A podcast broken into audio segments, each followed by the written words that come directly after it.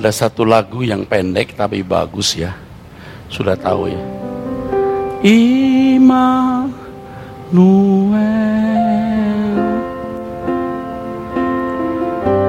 Immanuel Namamu disebut Immanuel Namamu disebut Immanuel Kau Tuhanku.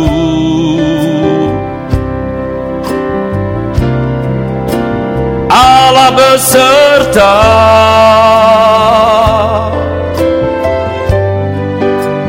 Di dalam kita. Namamu disebut Immanuel beserta kami selamanya Immanuel. Immanuel.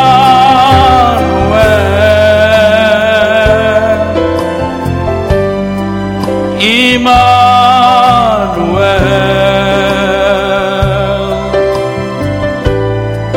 Namamu disebut Immanuel Kau Tuhanku.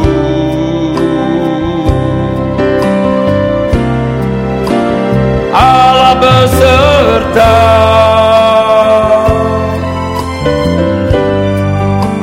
Di dalam kita. Namamu disebut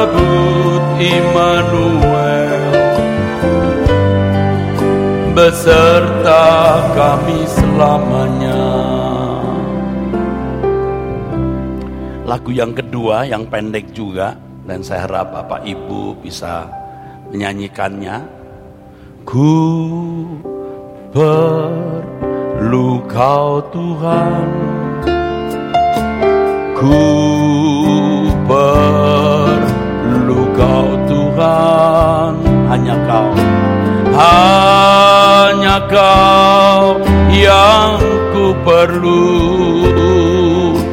Ku perlu Tuhan ku perlu Tuhan. Ku perlu kau Tuhan. Ku perlu kau Tuhan hanya kau yang ku perlu. Ku perlu Tuhan. Pegang tanganku. Pegang tanganku. Pegang tanganku. Pegang tanganku. Janganlah Tuhan lalui janganlah Tuhan lalui. Berilah berkatmu berilah berkatmu. Dengar doaku. Dengar doaku. Dengar doaku. Dengar doaku. Janganlah Tuhan lalui janganlah Tuhan lalui berilah berkatmu berilah berkatmu. Pegang tanganku pegang tanganku pegang tanganku pegang tanganku. Janganlah Tuhan lalui janganlah Tuhan lalui. Berilah berkatmu. Berilah berkatmu. Dengar doaku Tuhan. Dengar doaku. Dengar doaku. Dengar doaku. Janganlah Tuhan lalui janganlah Tuhan lalu berilah berkat, berilah berkat. Dengar doaku, nyanyikan saudaraku.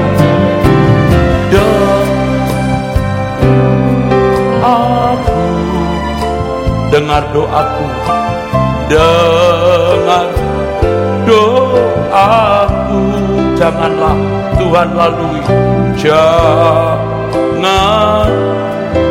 Tuhan lalui berilah berkatmu dengar doaku Tuhan. Dengar doaku. Dengar doaku. Janganlah Tuhan lalui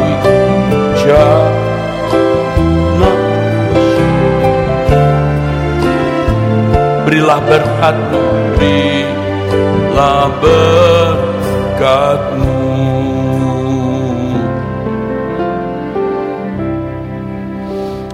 Bapak Ibu saudaraku sekalian kalau saudara bangun pagi olahraga karena saudara mau menjaga kesehatan Kalau saudara setiap hari pergi ke kantor, ke tempat pekerjaan, ke toko, ke tempat usaha, karena saudara mau mendapatkan nafkah, rezeki, uang untuk kebutuhan jasmani. Kalau saudara ke rumah sakit karena saudara sakit, dan tentu berharap apalagi kalau sudah keluar uang menuntut kesembuhan supaya sembuh dari sakit. Kalau saudara ke gereja, apa yang saudara harapkan? Apalagi saudara ya telah menembus lebatnya hujan, memberi persembahan, memberi persepuluhan. Apa yang saudara harapkan peroleh? Atau boleh, kalau boleh meminjam kata menuntut, apa yang saudara tuntut?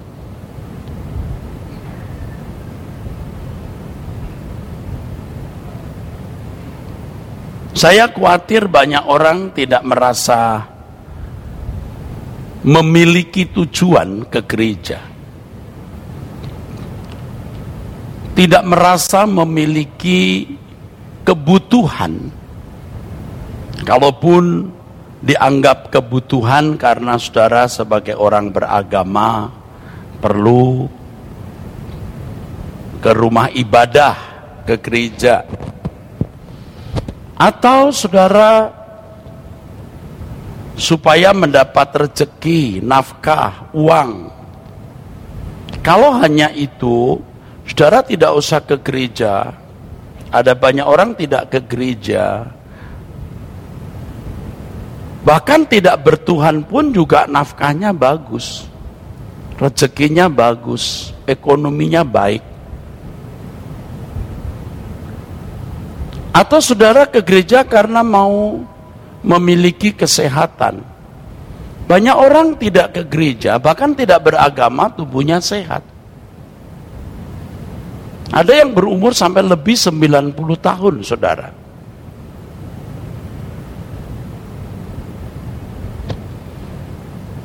Saudara sekalian,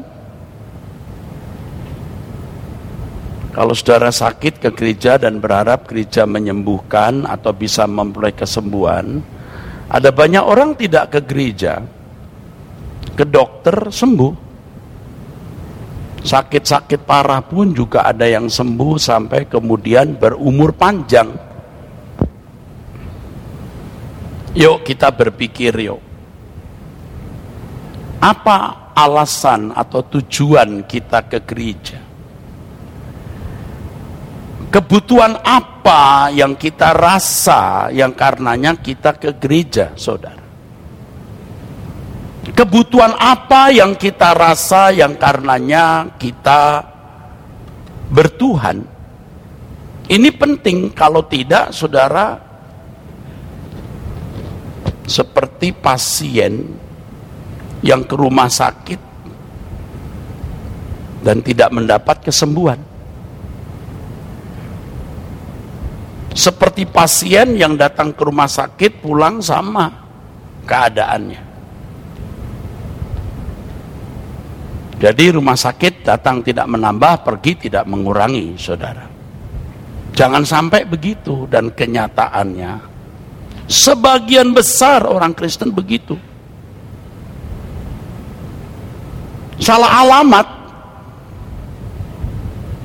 Gereja ini alamat yang tepat, saudaraku. Tetapi kalau saudara tidak memiliki tujuan yang jelas, rasa butuh yang benar, saudara seperti pasien yang datang ke rumah sakit tanpa memperoleh sesuatu. Saudara pergi ke kantor, saudara pergi ke tempat kerja, saudara dagang, saudara dapat penghasilan kok setelah ke rumah sakit ketemu dokter, dokter periksa, diberi resep atau mendapat perawatan nginap, saudara bisa pulang sembuh.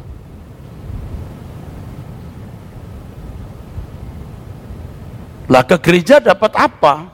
Coba kita pikirkan supaya saudara tidak salah gereja ya. Karena juga tidak sedikit orang ke rumah sakit, rumah sakit bukannya menyembuhkan Pak, Bukannya menyembuhkan bu, malah tambah sakit, mal praktek. Ada juga orang yang pergi ke kerja kantor bukannya untung, buntung. Ini salah bisnis atau salah manajemen atau salah urus dan lain-lain. Tentu banyak kausalitas atau penyebab. Saudaraku sekalian, kita harus memikirkan hal ini serius, ya. Kalau saudara ke gereja menganggap gereja ini punya kuasa supranatural untuk bisa memberikan kesembuhan, ya bisa, bukan tidak. Untuk bisa memberi rezeki bagus, oh ya memang bisa. Tapi kalau tujuannya hanya itu, maaf, dukun bisa menjawab. Oh ke gereja biar dapat jodoh. Teman saya ke gereja cepat dapat jodoh loh. Nah kalau cuma nemu dapat jodoh ya, ke dukun juga bisa. Cinta ditolak, dukun bertindak. Dukun bisa. Bisa membuat wanita yang tadinya tidak laku jadi kenceng di pasaran. Ya, tadinya nggak laku, nggak ada yang nepsong sama dia. Lalat aja nggak mau nempel. Begitu ke dukun dimandiin kembang tujuh rupa. Waduh berjaga ting-ting sampai om tong-tong bisa jatuh hati. Kok bisa ya pak? lah ya bisa. Setan itu punya kuasa supranatural. Restoran sepi tetangga rame kita sepi. Pergi ke Gunung Kawi atau Gunung Bromo. Ketemu orang pintar padahal bego. Dikasihlah itu pasir Gunung Kawi atau Gunung Bromo tebarkan di depan restoran tetanggamu yang rame. Ditebar. Entah bagaimana pelanggannya bisa pindah. Ya bisa bukan suatu yang aneh dan luar biasa saudaraku. Sangat mungkin kuasa kegelapan itu ada. Bukan tidak ada setan itu ada saudara. Kuasa gelap itu nyata Nah sekarang apa sih tujuan kita ini bergereja, kita bertuhan, apa? Apa yang Bapak Ibu dengar hari ini jangan lupa ya, diingat terus. Kenapa? Ini menyangkut nasib kekal saudara. Nah, kalau cuma jodoh itu masih sementara. Banyak orang nggak nikah nggak masalah. Bahkan ada yang menikah lalu berkata, gua menyesal kawin katanya.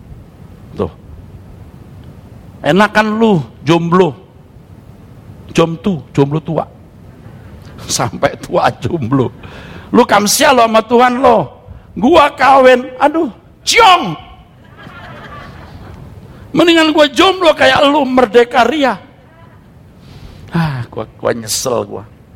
Apalagi punya anak, buandelnya minta ampun. Ampun deh.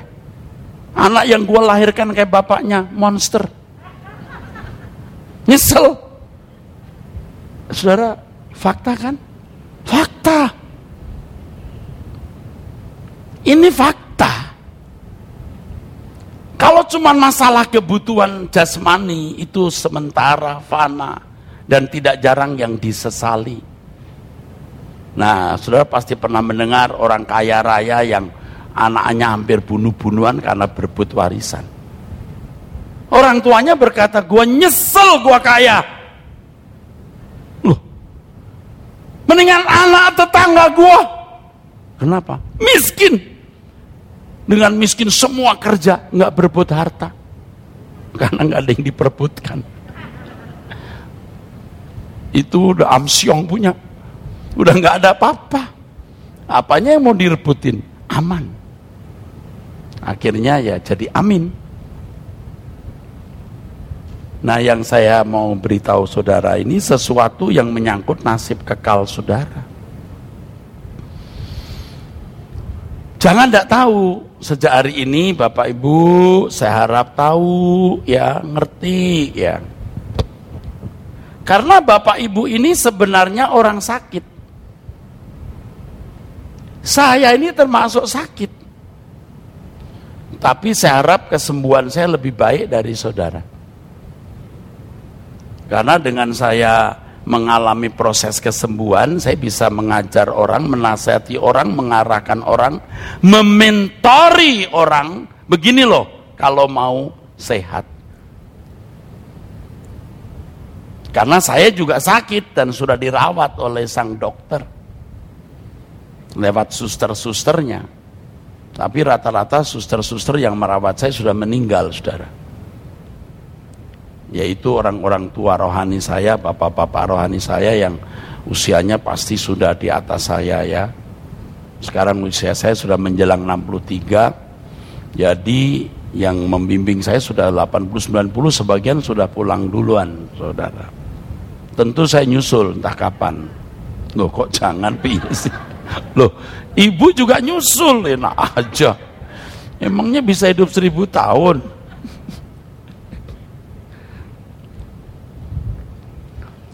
Saya disusteri juga. Sekarang saya jadi suster juga. Suster yang pernah kena sakit. Saya waktu sakit covid itu ya, suster saya itu dua-duanya pernah kena covid. Jadi dia bisa ngomong tentang pengalamannya sakit covid. Ya, nah itu banyak membantu saya juga. Nah bapak ibu ini sakit, saya sakit. Saya sadar saya sakit dan telah mengalami proses perawatan dan makin sembuh, makin sembuh. Sekarang kalau saya ceritanya, Pak Era sudah sembuh belum? Belum total. Kalau sudah total itu sempurna berarti. Kalau sudah total saya sempurna lalu inalillahi. Sekarang belum. Saya sakit. Saudara-saudara ini banyak yang nggak sadar sakit itu celaka. Orang yang sakit tidak sadar dirinya sakit itu celaka. Tidak ke dokter, makan sembarangan. Kan Bapak Ibu pasti sudah pernah tahu dan dengar atau mungkin orang di sekitar saudara kali. Udah tahu memiliki gula darah tinggi, tidak sadar tidak pernah periksa ke laboratorium, disuruh ke laboratorium, ah enggak mau saya. Nanti saya tahu, loh kok nggak mau? Nanti saya tahu. Gula darah saya berapa, kolesterol saya berapa, ah malah tambah capek gua. Loh, ada lagi yang takut jarum. Gua daripada ditusuk jarum, mendingan gua berantem sama orang Ambon. Loh, ini sih ngaco nih orang. Yuk kalau nggak berani jarum bahaya loh. Karena bagaimanapun manusia satu dua kali pasti ke rumah sakit. Loh, vena saya itu kecil, saudara. Kalau nyari itu susah. Dulu sampai kadang nggak dapat, dipanggilin suster dari uh, dari kelompok dari ruangan bayi. Pak, ntar ya Pak, kita panggilin suster dari sana, dari departemen sana. Apa itu? Bayi. Loh, emangnya gue bayi?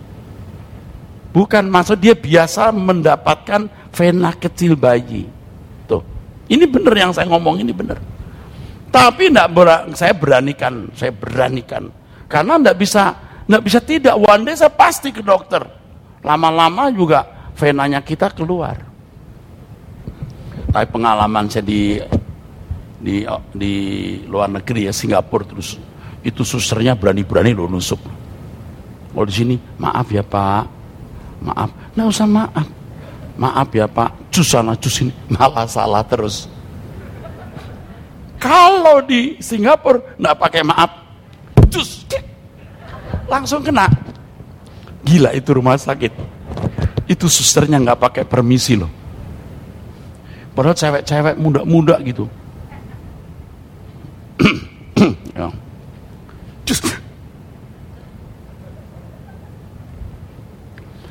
Akhirnya ketika saya ke Jakarta, saya tuh Zarum saya bilang gini, ini loh, di sini, daerah sini nih. Suster dari Singapura nggak pernah gagal rasanya. Deep, sir, dalam. Oh jadi you begini nggak keraba, tapi rupanya suster di sana dibikin jus. Nah orang yang takut jarum, nggak pernah tahu keadaannya, bahaya. Makan sembarangan, mati muda. Saudara jangan takut jarum, jangan takut dirawat, jangan takut obat. Ini physically ya, saya mau beri ini sebagai gambaran kehidupan rohani. Saudara harus sadar sakit. Ini bukan sakit fisik, tapi sakit batiniah. Allah itu tidak memandang muka 1 Petrus 1 ayat 17. Saudara punya muka cantik atau ganteng, Tuhan nggak peduli. Tuhan nggak lihat saudara pakai arloji merek apa, mobil apa, tinggi atau pendek, pesek atau mancung. Tuhan lihat manusia batinnya saudara. Yang itu terekspresi, terwujud di dalam kehidupan dan perilaku kita setiap hari. Tuhan berkata satu kata yang kamu ucapkan dihakimi. Satu kata, apalagi dua kata, apalagi satu kalimat, apalagi satu narasi.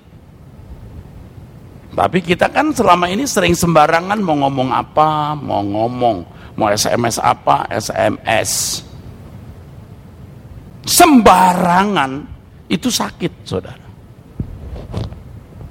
Kita dilukai orang, kita dendam, sakit hati. Mungkin tidak bicara, tidak bertindak, cuma dalam hati. Dendam, itu pun jahat. Saya beritahu kepada saudara, sekecil apa pun dosa, seremeh apa pun, selembut apa pun menurut kita, itu menyakiti hati Tuhan.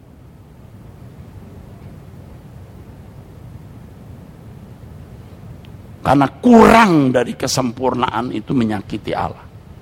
Memang Tuhan akan sangat mengerti orang yang baru menjadi Kristen. Yang masih sering meleset, oke. Okay.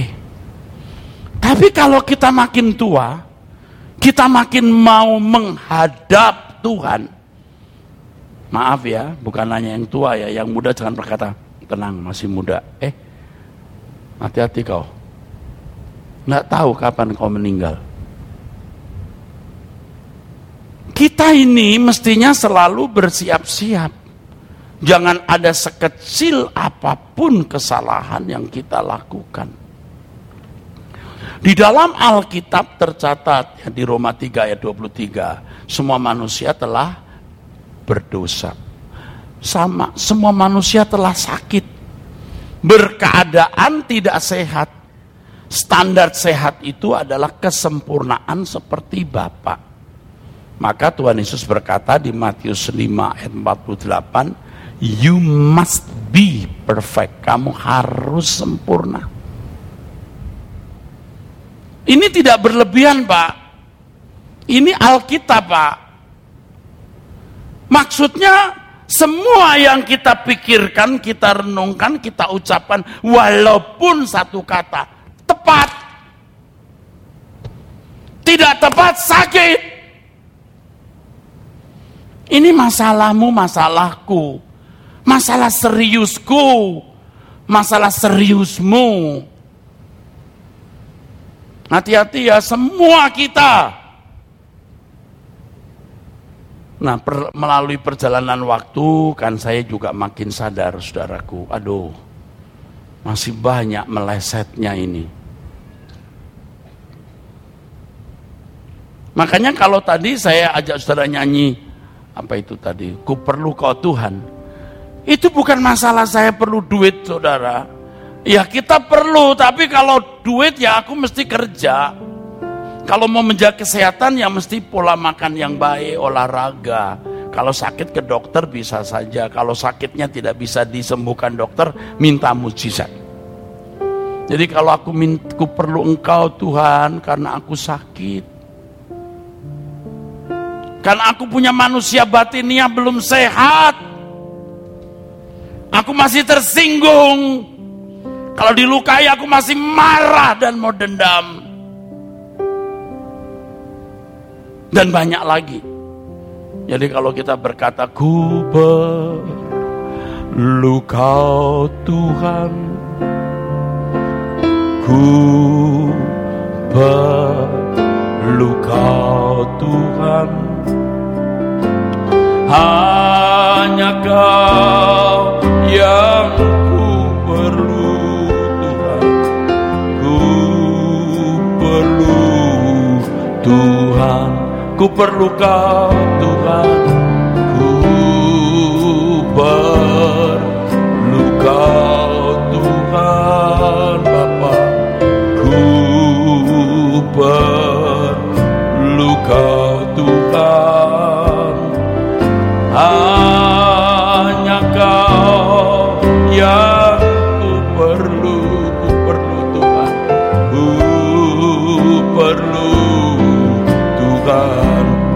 dengar doaku. Dengar doaku.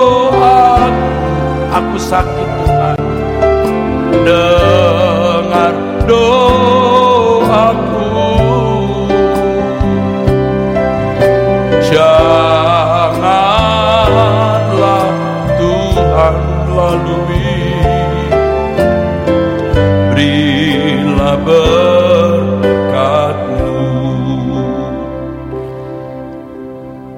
Yang pertama yang Bapak Ibu harus tahu, selalu ingat, mengakui dan selalu sadar bahwa saudara adalah orang-orang sakit. Anda tahu mengapa orang-orang Yahudi akhirnya menyalibkan Tuhan Yesus? Mereka nggak butuh Tuhan Yesus. Memang pada mulanya mereka butuh Mesias, juru selamat. Tapi juru selamat versi mereka sendiri. Maksudnya juru selamat itu membebaskan mereka dari pemerintahan Roma. Supaya orang-orang Yahudi punya kerajaan sendiri, tidak dianeksasi, tidak dikuasai oleh kekaisaran Roma atau bangsa kafir. Tapi Yesus datang bukan untuk membawa kemerdekaan politis atau kemerdekaan politik Yesus datang untuk membawa kesembuhan dari dosa. Kesembuhan dari dosa ini maksudnya bukan hanya dosa-dosa kita diampuni. Potensi dosa dalam diri kita. Disakiti membalas, itu potensi. Sudah punya istri, lihat istri orang, itu potensi dosa. Lihat uang yang bukan bagiannya dia ambil itu potensi dosa punya hutang sengaja nggak bayar itu potensi dosa ngobrol-ngobrol lalu ngomongin orang di belakang orang itu. Itu potensi dosa. Masih lakukan itu enggak? Waduh, suci semua. Sudah kudus. Masih lakukan dosa enggak? Oh, masih lakukan dosa enggak? Masih, puji Tuhan. Tapi dipaksa dulu baru jujur. Ya, jangan seperti anak kecil dong, udah jelas sakit. Sakit karena enggak, karena takut disuntik. Yuk kita jujur, kita sakit. Jadi kalau saudara berurusan dengan Tuhan, karena kita mau sembuh. Amin. Tentu di pihak gereja, maaf Pak, maaf dan semua sahabat-sahabat saya di sini, suster-suster Tuhan di sini. Gereja ini harus menjadi rumah sakit yang baik. Menghadirkan Tuhan, menghadirkan firman yang baik. Dan saya tahu Pak Mak selalu me menyampaikan firman dan meminta yang berkhutbah di sini orang-orang yang patut menyampaikan suara Tuhan. Dan saya juga pasti akan hadir. Ya karena saya tua tidak bisa tiap minggu kasihan saya saya bisa mati muda kata ibu tadi jangan. Tapi saya pasti datang lah nggak bisa saya pendeta senior di sini mau nggak datang gimana? Dipajang pendeta senior tapi nggak bisa nggak datang kan saya bohong berarti. Saya pasti hadir. Bapak Ibu hadir.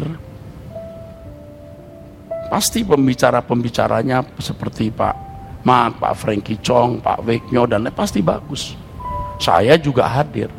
Tapi saya mau dengar khotbahnya Pak Era juga, ya YouTube banyak banget. Tapi sekutu bersekutu bersama, Anda tahu nih singer pemusiknya Henhao. Betul nggak? Bagus. Saya di sini aja ada pikiran begini, hebat nih pemusiknya. Musiknya bagus. Kenapa saya tahu musik bagus? Karena saya pemain musik. Pakai sequencer lagi. Apa itu? Nanti tanya ibu selfie. Bagus. Jadi saudara tetap datang. Nah gereja ini harus jadi rumah sakit. Pengurus-pengurusnya harus hidup suci. Nanti hari apa puasa dengan Pak Mak berdoa supaya atmosfer spiritualnya bertambah. Tidak boleh berantem satu dengan yang lain. Kalau yang lain salah ya diingatkan dalam kasih. Nggak ada orang yang nggak pernah salah.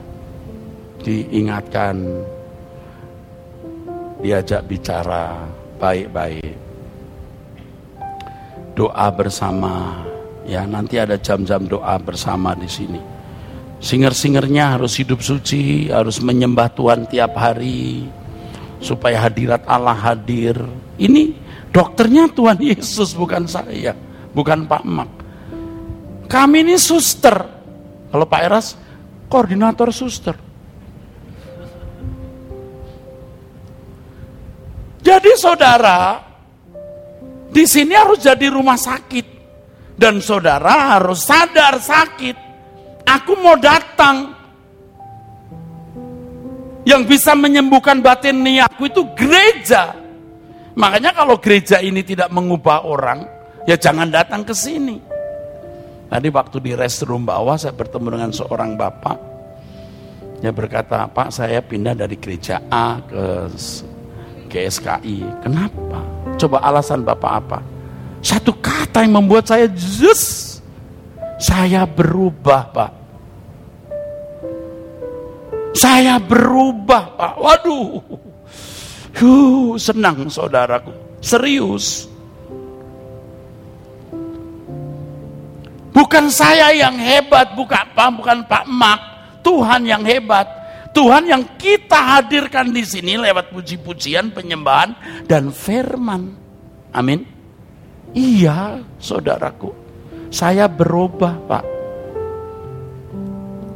Tentu konteksnya ini bukan berubah secara ekonomi, itu bukan hal yang saya sedang bicarakan. Tentu kita mau kita juga ekonomi baik, tubuh sehat, anak-anak sukses. Iyalah, siapa yang nggak mau begitu? Jangan salah mengerti.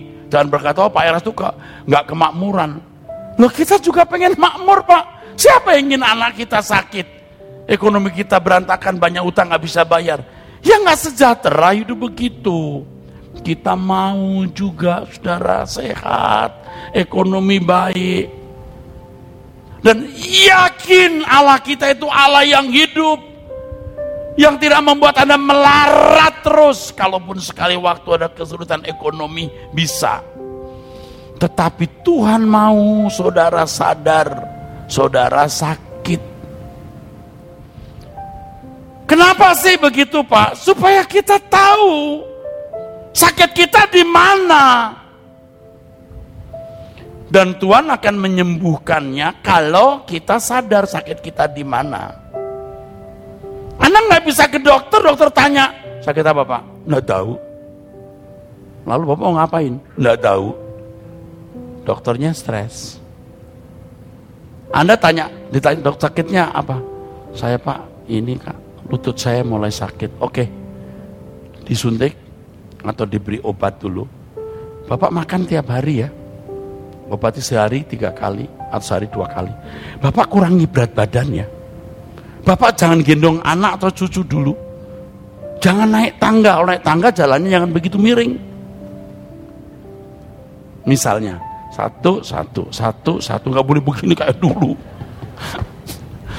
Waktu muda. Saudara turuti. Amin. Sembuh. Amin. Tuhan pun juga mau Anda tahu di mana sakitmu. Lalu Tuhan beri nasihat. Nah ini banyak orang tidak mengerti termasuk saya dulu. Sekarang harus tahu sakitnya di mana, difokuskan, dibidik Tuhan, Tuhan pasti proses kita. Misalnya kita sombong, Tuhan akan atur situasi kejadian di sekitar kita untuk membidik nah, itu supaya kau rendah hati. Nah kita mulai sadar, kita juga merespon didikan Tuhan. Makanya di Matius 9 ayat 12, Tuhan berkata, bukan orang sehat yang memerlukan tabib tetapi orang sakit. Nah masalahnya banyak orang yang salah fokus pak. Dan setan senang membuat orang salah fokus. Fokusnya itu begini, misalnya banyak masalah. Wah banyak masalah, fokusmu di masalah itu masalah kecil dibesar-besarkan, digede-gedein, yang gede dibikin kayak gunung, Anda lalu tenggelam, rubuh. Saya belum menikah. Jadi masalah nggak? Bisa kalau Anda mau jadikan masalah. Lalu fokusnya menikah terus. Saya belum punya anak. Fokusnya anak terus. Mungkin di sini ada ibu-ibu yang punya masalah suami. Suami saya main judi, Pak. Waduh, Pak, begini begitu. Fokus suami. Toh Anda juga tidak bisa mengubah suami. Lalu kalau sekarang saya ajarkan jangan fokus ke situ. Ya udah dihadapi. Sekarang ibu yang harus melihat penyakit ibu karena ini kekekalan. Kenapa kekekalan? Tadi belum saya jelaskan. Tidak ada orang sakit yang mas sakit yang menjadi anggota keluarga kerajaan Allah. Firman Tuhan mengatakan tidak ada yang najis yang masuk ke dalam kerajaan surga.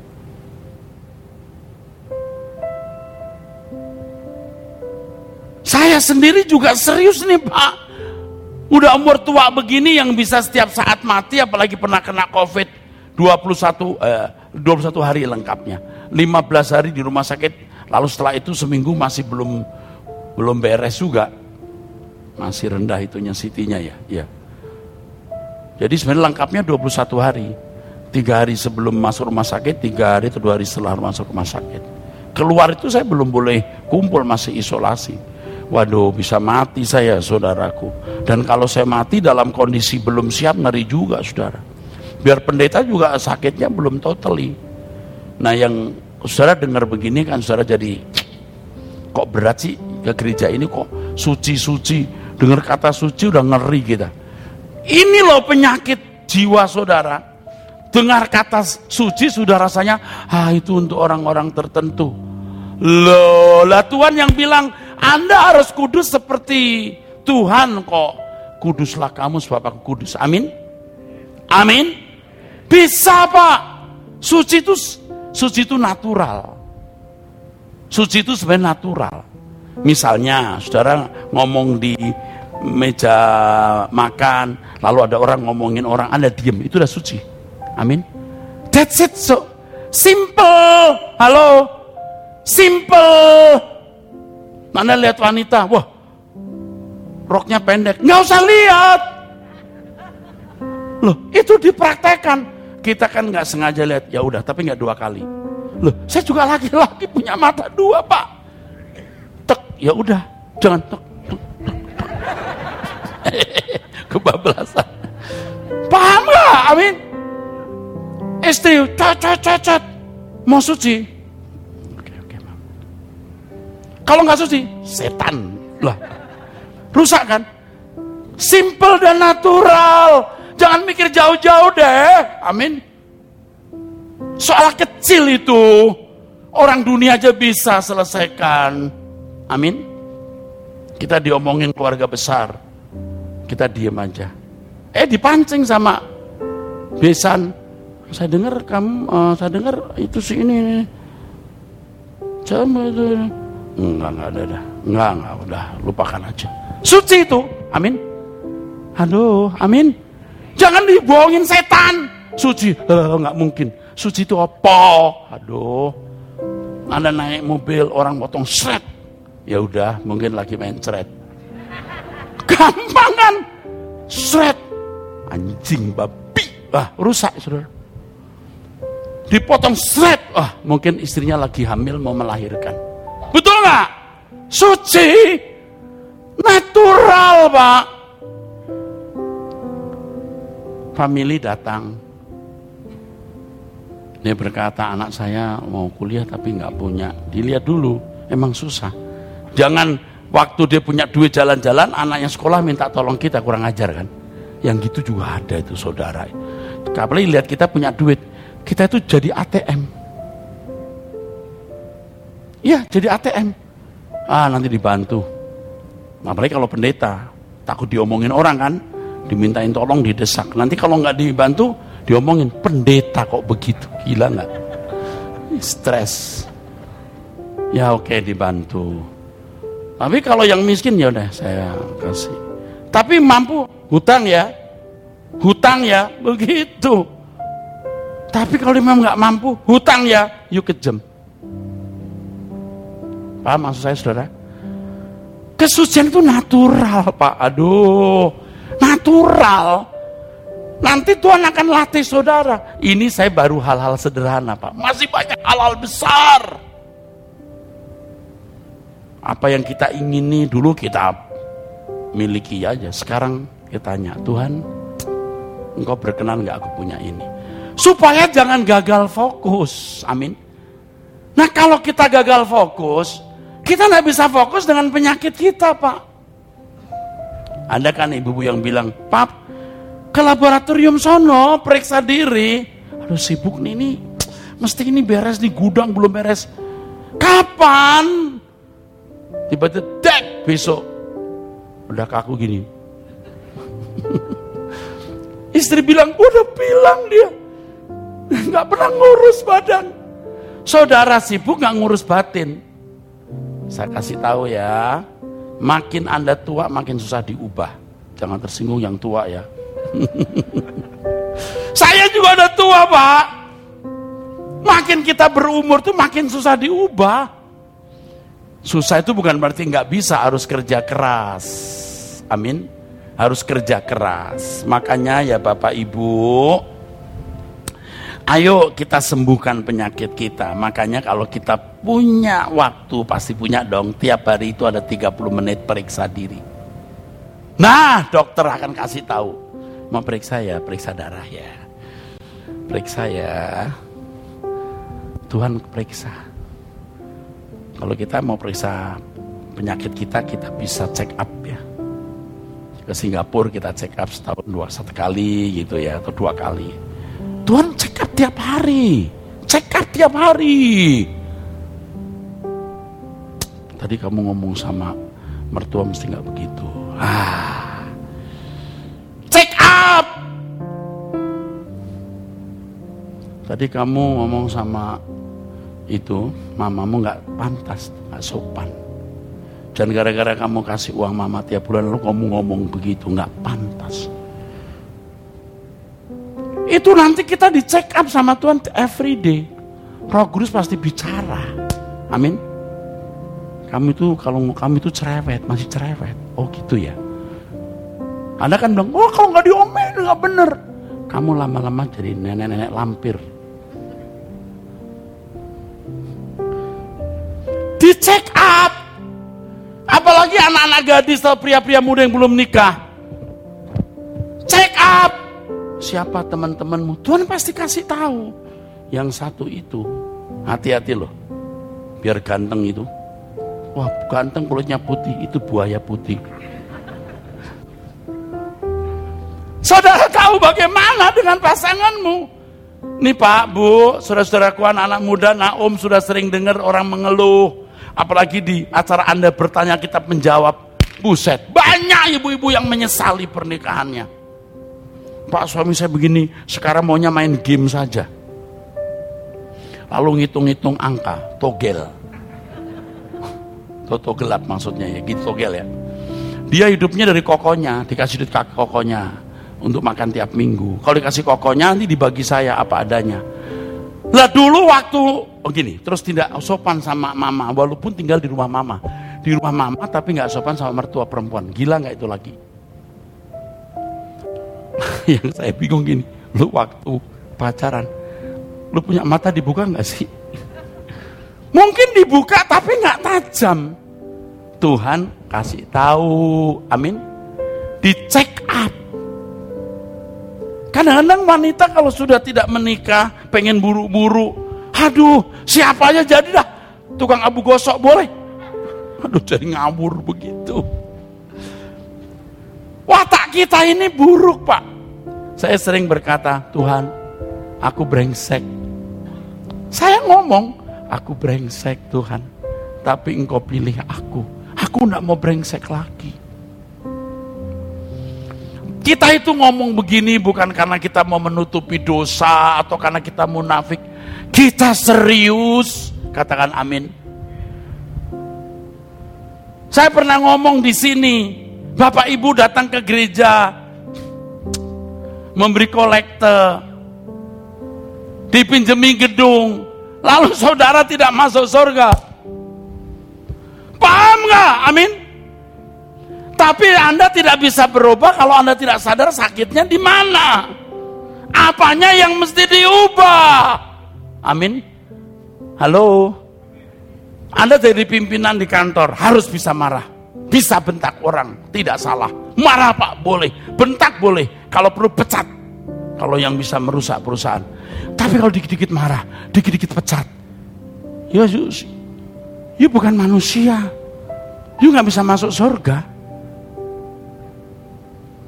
Makanya gereja tujuannya apa? Kesembuhan batin. Aku mau berubah di sininya. Sakitnya di sini. Sakitnya bukan di arloji, bukan di rumah, bukan di mobil, bukan di barang-barang, tetapi di dalam hati kita. Batin kita. Lihat Bapak Ibu yang datang sebanyak ini, Aduh saudara kursi semua penuh sampai belakang. Duh bersyukur masih ada orang punya nurani. Anda itu masih punya nurani walaupun tentu harus disadarkan terus. Banyak orang tidak perlu ke gereja lu sombong lagi. Udah tidak perlu Tuhan sombong lagi. Buset dah lu baru tahu ntar. Nih Bapak Ibu saya ngomong dengan istri saya di ranjang kemarin. Semalam atau dua malam yang lalu. Mam inget gak orang itu? Ya kenapa? kaya betul ya. Sudah tua, dulu sebelum meninggal aja. Yang diomongin itu, aduh harta, villa, rumah, aduh, udah begini. You masih ngomongin gini sih om. Ya, saya tidak sedang ngomongin siapa ya. Ini terjadi di banyak orang. Sudah jangan begitu, jangan gagal fokus. Sekarang saudara dengar firman, udah seneng kan? Dari sini saudara makan-makan dengan keluarga, happy-happy, dengan family, dengan uh, relatif saudara. Lalu nanti pulang, jangan lupa saudara kembali mendengar khotbah lewat uh, uh, lewat apa YouTube, ada waktu doa, ketemu anak cucu, make make happy and make it simple. Hidup dibuat simple dan berkemas-kemas pulang ke surga. Amin. Bagi Bapak, Ibu, Saudara-saudari yang terpanggil untuk mendukung pelayanan GSKI Pluit dapat memberikan persembahan ke rekening BCA KCU Pluit dengan nomor 1686533388. Sekali lagi, 1686533388 atas nama GSKI Pluit. Terima kasih atas dukungan persembahan saudara. Tuhan Yesus memberkati.